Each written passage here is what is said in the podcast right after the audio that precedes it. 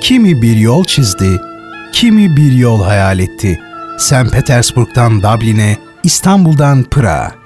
Bir yanda dünyanın sesi, diğer yanda düşleri ve imgeleriyle zamanın seyrini değiştiren, insanlığın hayal gücüne tohumlar eken, varoluş sancımıza dokunan, unutulmaz düşünürler ve yazarlar, izler ve portreler Leyla Ceren Koç'la birlikte her pazar saat 23'te.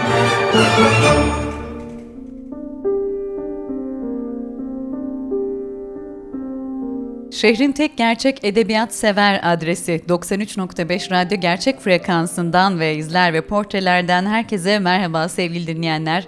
Ben Leyla Ceren Koç'la birliktesiniz. Dostoyevski diyor ki, hepimiz onun paltosundan çıktık.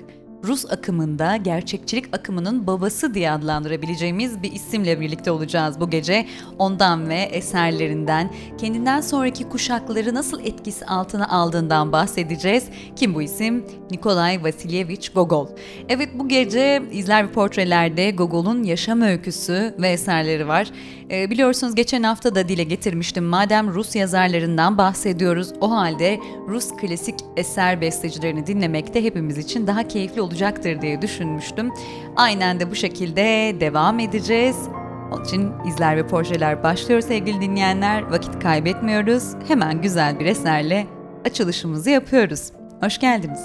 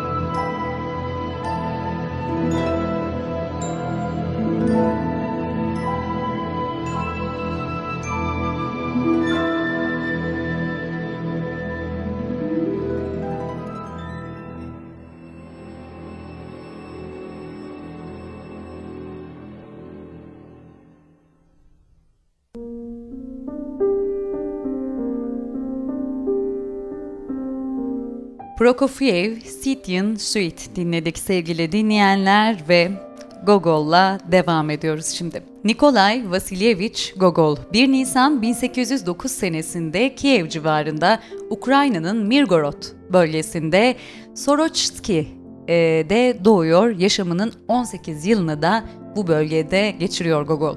Tabii bu ilk 18 yıl yaşamı boyunca ileride vereceği eserlerin içeriği açısından onu çok etkilemiş. Gogol'un babası ise kendisi gibi bir yazar, sadece daha amatör diyebiliriz. Ukrayna Kukla Tiyatrosu için kaleme aldı. İki güldürü eseri de e, Ukraynaca olduğundan Ukraynalı yazarlar sınıfına dahil edildiği e, söyleniyor.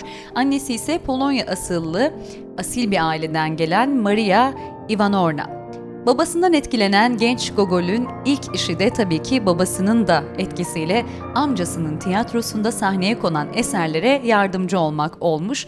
E, bu arada Nikolay Gogol ailesinin en ve hayatta kalan tek oğulları yani en çok sevdikleri ve hayatta kalan tek oğulları. E, diğer kardeşlerse hastalıklar sebebiyle hayatlarını kaybetmişler. Bu sebepten de Gogol çok kıymete değer bir çocukluk geçirmiş. 12 yaşına dek bu böyle sürmüş ancak 12 yaşında Nejrin Lisesi'ne yatılı verilen yazar tabii ki ailesinden uzak kalmayı üzücü bir durum olarak değerlendiriyor. Ee, çok özlem duyuyor o dönemde ailesine hatta özellikle annesine. Bu duygu durumu yüzünden de okulda hep e, yalnız başına dolanan Nikolay'a arkadaşları isim bile takıyorlar. Gizemli cüce diyorlar onun için ve annesine yazdığı 1 Mart, e, Mart 800, 1828 tarihli mektubunda da e, şöyle demiş yazar. Evde inatçı, burada ezik olarak görülüyorum. Bazı çevrelerde çok sessiz, ağırbaşlı, kibarım, bazılarında asık suratlı, dalgın, kaba saba. Bazıları için zekiyim, diğerleri içinse aptal. İlk defa yazı yazmaya başlaması ise işte tam olarak bu yıllara denk düşüyor. Hatta okul tiyatrosu için bazı eserler kaleme alıyor. Bazılarında oyunculuk bile yapmış. Ee, yazılarının konusu ise özlem duygusu ya da kariyerinin ilerleyen yıllarında da yoğunlaşacağı gibi küçük insanların hayatları.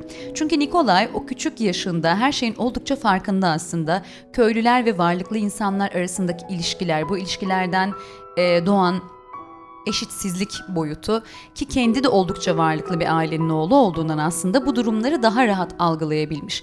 Tatillerini de yakın bir akrabalarının çiftliklerinde geçirdiğinden e, bu ortamda toplumun tüm sınıflarının arasındaki ilişkileri net bir şekilde gözlemleyebilme fırsatı buluyor. Sonraki yıllarda da elbette tüm bu gözlemler kitaplarının konusu oluyor yazarın. Hatta yazar ilk defa 1833 yılında annesinin anlattıklarını çiftlikteyken gördüklerini Dikanka yakınlarında bir bir çiftlikte akşam toplantıları adı altında bir kitapta topluyor. Köy yaşantılarını, köylülerin konuşmalarını, giyimlerini detaylarıyla betimlediği bu eserlerinde e, öne çıkan şey ise Gogol'un kullandığı dil ince, hafif alaycı ve iğneleyici denilebilecek eleştirel bir e, dilden bahsediyorum tabii. Velhasıl Okulu bitirdiği yıllarda Gogol artık yazı konusunda ciddi ilerleme kaydetmiş durumda olduğundan hayalleri de bu çerçevede gelişiyor ve hep imrendiği usta yazarlar gibi o da St. Petersburg'a gitmek istiyor. Tabii 15 yaşında babasını da kaybettiğinden e, bu anlamda artık onu Ukrayna'da tutacak pek bir şey de kalmıyor denilebilir. Sonuç olarak ustaları Pushkin, Belinsky gibi isimlerin şehri St. Petersburg'a 1828 yılında taşınıyor. E, ona göre bu şehre yerleşecek ve bu yazarların çevresine girecekti tabii. E, fakat işler istediği gibi ilerlemiyor. Bambaşka düşlerle St. Petersburg'a gelen Gogol, düşlerindeki şaşalı hayatın yakınından bile geçemeyecek bir yaşam sürüyor. Oldukça pahalı olan bu şehirde karanlık bir öğrenci evine yerleşiyor ve bu yıllar onu pek de hoş ee, yani ona pek de çok hoş şeyler katmamış diyebiliriz. En önemlisi ise bu zor yaşam Gogol'ü ciddi sinir hastalığına sürüklüyor kompleksleri, korkuları, e, çelişkileri bu ortamda daha da açığa çıkmaya başlamış. Hatta öyle ki dış görünüşünden bile rahatsız olacak noktaya gelmiş. En çok da sivri ve biraz büyükçe olan burnuna bayağı e, takılmış yazar. Hatta bugün Kiev'e giderseniz e, Andrevski Caddesi'nde görmeniz gereken ilginç şeylerden biri de Gogol'un burnunun heykeli. O, den, o dönem yani o denli önemli ve e, aslında bu denli de Gogol'dan geriye kalmış en önemli parça diyebiliriz. Onu her anlamda tanımlıyor aslında o burun formu.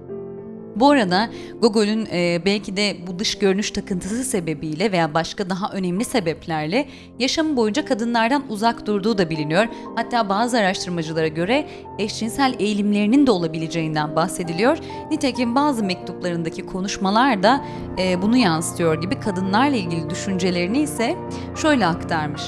Kadınlar aslında şeytana aşıktır. Şu kadına dikkat edin. Karşı balkondaki kırmızı üniformalı adama bakmıyor aslında.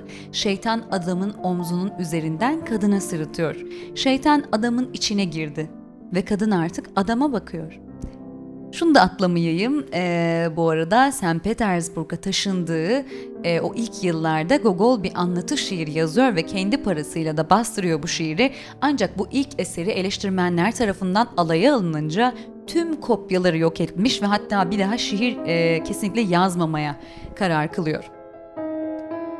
Yazar 1829'da Rusya'ya geri döndüğünde ise ilk önce aktör olarak iş aramış fakat bu noktada da tiyatro müdürlerinin tepkisiyle karşı karşıya kalıyor çünkü Gogol'un doğal ve samimi mizacı onlara uygun düşmüyor o yıllarda. Onlar kendilerine daha çok para kazandıracak yapmacık tipler peşindeler o dönem. İşte burada da başarılı olamayınca devlet dairesinde memurluğa başlamak zorunda kalıyor yazar. Ve 1831-32'de ise az önce de bahsettiğim gibi iki cilt olarak yayımladığı Dikanka yakınlarındaki bir çiftlikte akşam toplantıları Gogol'ü istediği şöhrete yaklaştırmış diyebiliriz. Dikanka hikayelerinde Gogol dediğim gibi e, Ukrayna yöresinin inanışlarını, efsane ve geleneklerini e, hicvediyor ve bu efsane ve inanışlar eserde ön planda tutulduğu için konular büyük ölçüde fanteziye dayalı bir temel üzerinde gelişiyor diyebiliriz. Hatta ilerleyen yıllarda yakınen dostluk kuracağı Pushkin bu eseri için aynen şöyle bir yorumda bulunmuş. Şimdi Dikanka akşamlarını bitirdim. Bu öyküler beni şaşırttı. İşte gerçek, içten bir neşe. Kimi yerleri de ne kadar şiirli, duygulu. Bu çeşit yapıtlar bizim edebiyatımızda o kadar yeni ki üzerimde bıraktığı şaşkınlık etkisi hala geçmedi. Söylediklerine göre dizgiciler kitabı düzerken gülmekten katılıyorlarmış. İşte Pushkin'in yıllar sonra böyle harika cümlelerle bahsedeceği Dikanka hikayeleri Gogol'ün sadece Rusya'da değil diğer Slav ülkelerinde de büyük bir ün kazanmasını e, sağlıyor. Kitapta yer alan e, Soroçinski Panayırı adlı öyküde karşımıza e, kazağından çingenesine, tüccarından papazına kadar pek çok tip çıkıyor gerçekten. Bu nedenle olayın geçtiği yeri insan panayır olarak düşünülebilir. E, şimdi bu eserden bir bölüm e, paylaşacağım sizlerle ve sonra bir kısa ara vereceğiz ve Tchaikovsky'den Arabian Dance dinleyeceğiz. Hemen ardından da Ermeni asıllı Rus besteci Aram Hachaturyan'dan e, bir vals dinleyeceğiz. Şimdi paylaşmak istediğim küçük bölümü okuyorum. E, Soroçinsk Panayırı'ndan. Görüyor musun aksiliği? Nasıl satış yaparım şimdi diyordu. Atın ipini çözüp meydana sürüklemeye çalıştığı sırada panayıra gelirken içime çöken sıkıntı boşuna değilmiş meğerse. Cılız inek ölüp gidecekti az kalsın.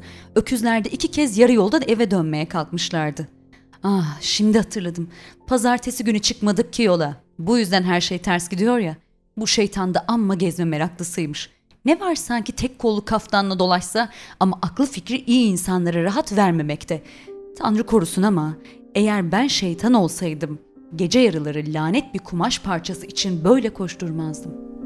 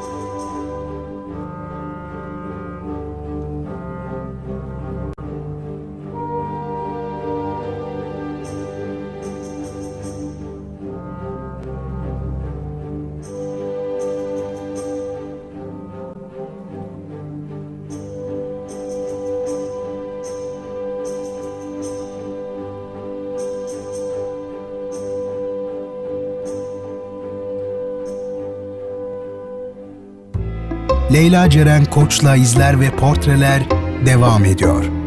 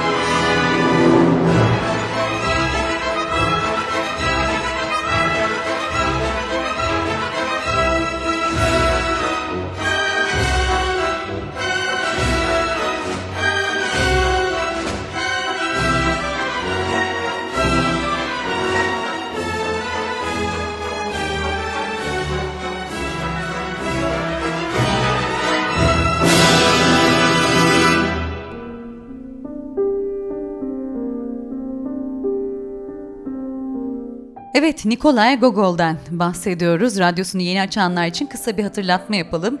Onun yaşamını sizlerle paylaşıyorum bu gece. Geldik 1835 yılına. Bu sene yayımlanan Mirgorod Hikayeleri adlı hikaye kitabıyla şöhreti zirveye ulaşıyor e, Gogol'ün. Hikayelerinin konusu ise yine Ukrayna yöresi. Ancak bu kez Gogol, Ukrayna halkının günlük yaşamına odaklanıyor. Hikayelerin her biri değişik bir karakter barındırıyor. Kitapta yer alan eski zaman beyleri trajik ve lirik bir esermiş örneğin. Ee, yaşlı çiftlik sahipleri Afanas Ivanovich ve Pulheria Ivanovna kendi köşelerine çekilmiş son derece sakin hatta tek düze denilebilecek bir yaşam sürdürmektedirler. Birbirlerine çok bağlı bu iki yaşlı insanın en büyük zevkleri yemek pişirmek ve yemektir. Ve bu insanları şöyle kaleme almış Gogol. Ukrayna'da genellikle eski zaman beyleri denen ücra köylerinin içine kapalı sahiplerinin alçak gönüllü yaşamını çok severim. Bu insanlar tıpkı eski zamandan kalma, sanat değeri olan evler gibidirler. Duvarları henüz yağmurla yıkanmamış, çatıları yeşil renkli küfle kaplanmış, sıvasız eşiği kırmızı kerpiçi örten, yeni ve düzgün bir binanın tamamen zıttı olan eski ve alacalı bulacalı görünümleriyle bu evler çok sevimlidirler.'' Zaman zaman olağanüstü denilecek kadar içe kapalı yaşantının sürdürüldüğü o ortama bir an içinde olsa girivermeyi isterim. Bu tür bir yaşam tarzında küçük avluyu çevreleyen çitik, elma ve elik erik ağaçlarıyla dolu bahçenin sınırını yana eğilmiş sonbahar söğütü, mürver ve armut ağaçlarının çepeçevre sardığı ahşap kulübe, e, kulübeleri aşan tek bir istek yoktur. Bu alçak gönüllü insanların yaşamı öylesine ama öylesine sessizdir ki bir an için hırslar, arzular, istekler ve dünyaya huzur vermeyen kötü ruhun eziyetleri bile unutulur. Her şey kaybolur ve onların sadece parlak, göz kamaştırıcı bir rüya olduğunu düşünürsünüz. Rusya'nın Moskova'ya ihtiyacı var, St. Petersburg'un ise Rusya'ya diyen Gogol'un 1835 tarihinde yayımlanan Petersburg hikayeleri ise olgunluk dönemine ait ilk eserleri oluyor e, Mirgorod'dan sonra. Bu hikayelerinde de bu defa büyük şehirlerde oturan insanların yaşam biçimleri, yaşam koşulları ve bu koşulların insana neler getirdiğini kaleme alıyor Gogol. E, ve Gogol'un Petersburg hikayelerini memurluk yaptığı dönemde edindiği izlenimlerin etkisiyle yazdığını e, ve bunun içinde kahramanlarını memurların arasından seçtiğini düşünebiliriz. Tabi zaten kısa bir ömrü oluyor aslında Gogol'ün. 42 yaşında yaşama gözlerini kapatıyor ne yazık ki yazar. Bu kısa yaşamında yazarlık kariyeri de bir o kadar kısa aslında 10 yıl gibi bir süre ve en önemli eserleri diyebileceğimiz eserleri olan Bir Delinin Hatıra Defteri, Palto, Portre, Burun, e, Bulvarı ve Fayton adlı eserlerini de yine 1835 sonrasında e, kaleme almış yazar. En bilinen eserlerinden Bir Delinin Hatıra Defterinde Gogol, ağır yaşam şartlarına dayanamayarak akıl dengesini yitiren küçük rütbeli bir memurun trajik yaşamını e, konu ediniyor. Hikaye günlük biçiminde birinci kişi ağzından yazılan bir eser. Biliyorsunuz ki birçok tiyatro uyarlaması da mevcut. Normal yaşamdan koparılarak akıl hastanesine götürülen kahramanın hasta bilincinden doğan mantık dışı ve komik düşüncelerle akıl hastanesindeki trajik yaşamı olağanüstü bir güçle birleştiren Gogol, e, trajik komedi tarzının başarılı bir örneğini ortaya koyuyor diyebiliriz. Eserden kısa bir bölüm paylaşmak istiyorum tam bu noktada. İtiraf edeyim ki işe gitmeyi hiç istemiyorum. Hem de bölüm şefinin beni ekşi suratla karşılayacağını bile bile. Uzun zamandan beri bana nedir bu kafandaki karmaşa? Eteklerin tutuşmuş gibi çırpınıyorsun. Zaten işleri öyle bir hale sokuyorsun ki şeytan bile çıkamaz içinden. Ünvanları küçük harfle yazıyorsun. Evrakları ne tarih ne de numara koyuyorsun deyip duruyor. Kahrolası balıkçıl kuş seni. Mutlaka başkanın odasında oturup kalemlerini açmamı kıskanıyor. Ve burun hikayesi. Gogol'ün oldukça ilginç bir eseri de burun. Ee, bir delinin hatıra defterinden sonra rütbe tutkusunun ayrıntılı bir biçimde ele alındığı ikinci hikaye diyebiliriz. Bir delinin hatıra defterinden farklı olarak burada rütbe teması son derece komik bir üslupla ele alınıyor aslında. Kimi eleştirmene göre e, yazarın Buruna Övgü adlı eseri Gogol'e ilham kaynağı olmuş. E, Tşokke adlı bir yazarın. Kimi eleştirmenlere göre ise burun hikayesinin yazılmasından önce Petersburg'da dans eden sandalyelerle ilgili bir söylentinin çıkması Gogol'de bazı düşüncelere e, neden olmuş bu söylenti. Burun hikayesinin diğer bir önemi ise Dostoyevski'nin ikinci kişilik adlı romanına da kaynak olmasıymış. Palto ise Gogol'ün en büyük hikayelerinden bir tanesi gerçekten. Bu hikayesinde ise zavallı küçük adam temasını işliyor demek doğru olabilir. Dostoyevski'nin hepimiz Gogol'ün paltosundan çıktık dediğini söylemişti programın başında. Dostoyevski'ye göre ise bu eser Rus edebiyatında yepyeni bir döneme açılan kapıyı aralamış, ardından gelenlerin önünü açmış, ee, işte devlet dairesinde çalışan sessiz, sakin ve neredeyse görünmez e, birinin e, hikayesini anlatıyor bu paltoda. Aslında öykü yine trajik ama Gogol eseri öyle kaleme alıyor ki ister istemez gülüyorsunuz. Bazen Gogol e, Akaki Akay, e, Akakiyeviç'e sempati ve acıma duygusuyla yaklaşıyor. Bazen de kahramanıyla dalga geçiyor. Şimdi sevgili dinleyenler Gogol anlatmaya, hikayelerinden bahsetmeye devam edeceğim tabii ki. Kısaca şöyle bir hikayelerinin konularından bahsettim sizlere en bilindik hikayelerinin. Ama şimdi kısa bir ara vereceğiz ardından devam edeceğiz. Aram Haçaturyan dinleyeceğiz. Yine e, Lullaby dinleyeceğiz bu sefer de.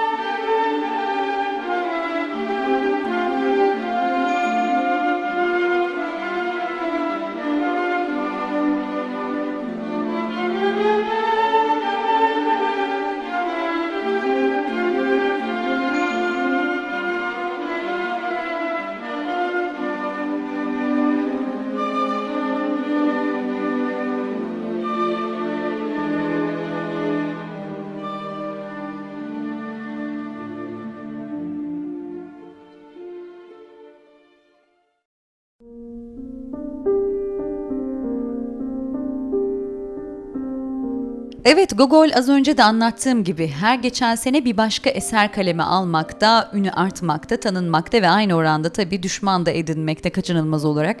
Bu noktada da işte 1836 yılında yayımlanan ve sahnelenen Müfettiş komedisinden bahsetmek gerekiyor. Çarlık Rusyası'nın hem başkent hem de taşra memur yaşamına ilişkin ayrıntılı bilgiler veren bir başyapıt. Müfettiş yalnızca Gogol'ün değil, 19. Ee, yüzyıl Rus e, yazınının da Çarlık devri memur dünyasını en ayrıntılı biçimde yansıtan en önemli eserlerinden. Oyunun baş kahramanı e, Lestakov tam bir başkent memuru, zengin bir babanın oğlu, güzel kadınlara ve kumara çok düşkünmüş ve hatta biraz aptalca ve olayları kavrayabilme yeteneğinden de yoksun. Genel olarak müfettiş oyunu o sıralarda ortaya e, çıkan sahte müfettişleri alaya aldığı e, bir komedi Gogol'ün. Fakat o dönemde insanlar yaptıkları bu eylemlerin sahnede bu şekilde yüzlerine vurulduğunu görünce oldukça şaşırıyorlar tabii. Gogol onlara sadece gerçekleştirdikleri bu yalan dolan eylemlerin hatalarını onlara anlatmak isterken bir anda olay başka bir boyuta taşınıyor ve oyunun Rus insanına hakaret olduğunu söylüyorlar. Özellikle de Gogol'a e, sürekli ağır e, eleştirilerde bulunan Rusya'nın Viktor Hugo'su denilen e, Poleyov tarafından. Gogol oyunun sahnelendiği sıralar kaymakam rolünü oynayan oyuncu e, Szczepkin'e şunları yazmış hatta. Şöyle diyor. Seyirciler genellikle oyundan memnun kaldılar. Yarısı çok iyi karşıladı, yarısı da bastı küfrü. Ama bu küfrün nedeni sanatla ilgili değildir. Kaymakam rolünü oynayan Shepkin ise oyuna karşı yapılan bu saldırıyı e, şöyle açıklamış kendisine. Bu oyunu seyretmeye gelenlerin yarısı rüşvet vermeye, yarısı da rüşvet almaya alışmıştır. Eh onlardan daha iyi bir karşılık beklemek de anlamsız olur diyor e, ve sözün bittiği nokta diyebiliriz gerçekten bu cevabı için. Ve yıllar e, üzerinden ilerlemeye tabii devam edeceğiz şimdi. E, Gogol'ün kariyerinin en önemli dönümlerinden birine geliyoruz müfettişten sonra 1839 senesine Ölü Canlara. Ölü Canlar romanını 1839'da yazmaya başlıyor Gogol ve 1842 yılında da ilk cildi yayımlanan bu roman yazarın olgunluk döneminde ulaştığı doruk noktası. Gogol Ölü Canlar'da seyahat romanı geleneğiyle kurnazca planlanmış macera romanı geleneğini bir araya getirmiş. Romanın konusuysa e, Gogol'e 19. yüzyılın en büyük şairi Pushkin veriyor. Ee, başlangıçta romanı kendisi yazmak amacında olan Pushkin bu korun, e, konunun Gogol gibi dahi bir yazarın elinde üstün bir eser olacağını sezmiş ve ölü canları yazmayı ona bırakmış. Romanda anlatılan olayın benzerinin Pushkin'in çiftliğine yakın bir bölgede geçtiği söyleniyor ve romanda 19. yüzyıl Rusyası'nın her toplum kesiminden insana e, yer verilmiş. Her eserde ayrı ayrı ele alınan toprak sahipleri, memurlar, köylüler ve yöneticiler bu romanda da bir araya getiriliyorlar. Ancak böylesine büyük bir eserde bile susmayan kötü niyetli çevrelerinde sesi çıkıyor tabii ve yine ve yine e, Poleyov Gogol'ün eserlerini beğenmeyişini şu şekilde dile getirmiş bu defa daha ağır bir şekilde. Sanatın geçmişteki kahramanları size sıkıcı geliyor. O halde bize insan ve insanlar gösterin. Düzenbazlar ve alçaklar kalabalığı değil.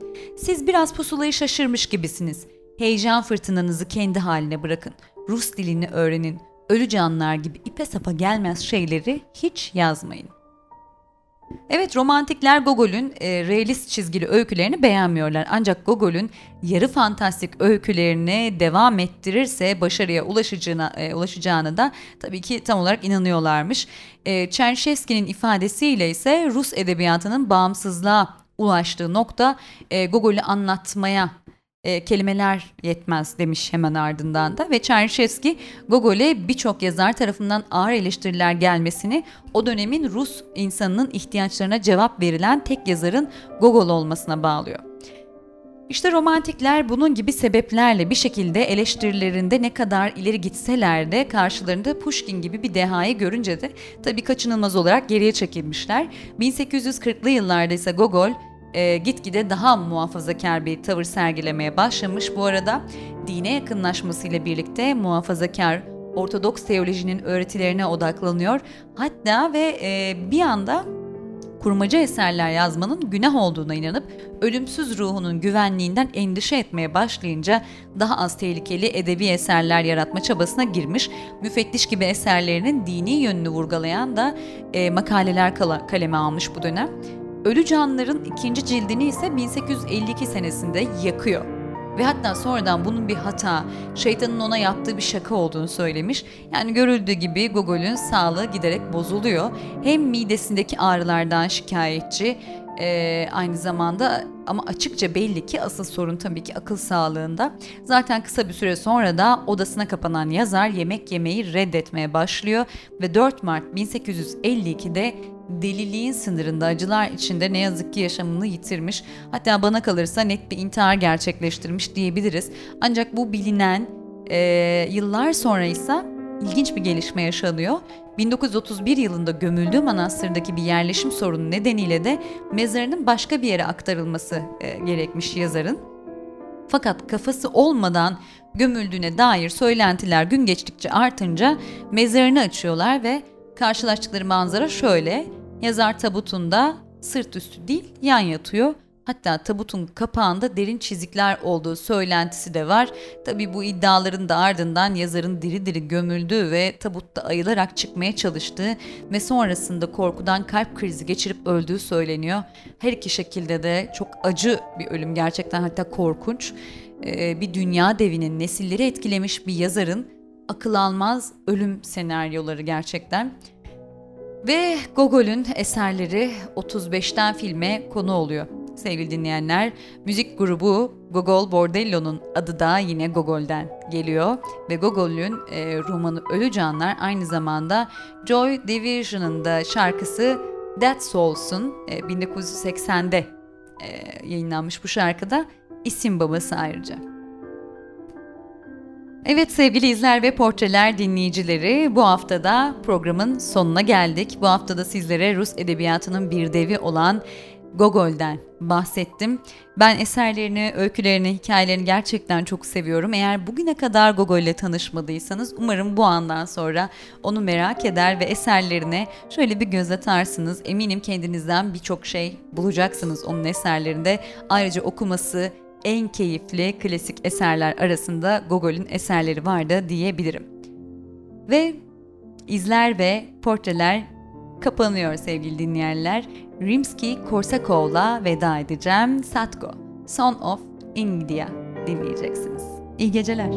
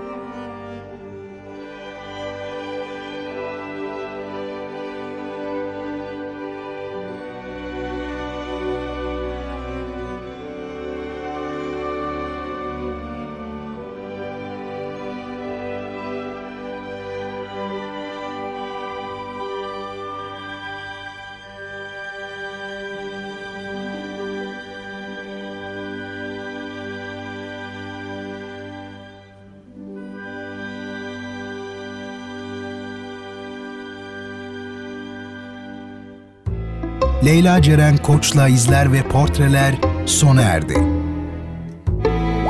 Bu program hakkındaki düşüncelerinizi dinleyen et radyogercek.com adresine mail atarak bize ulaştırabilirsiniz.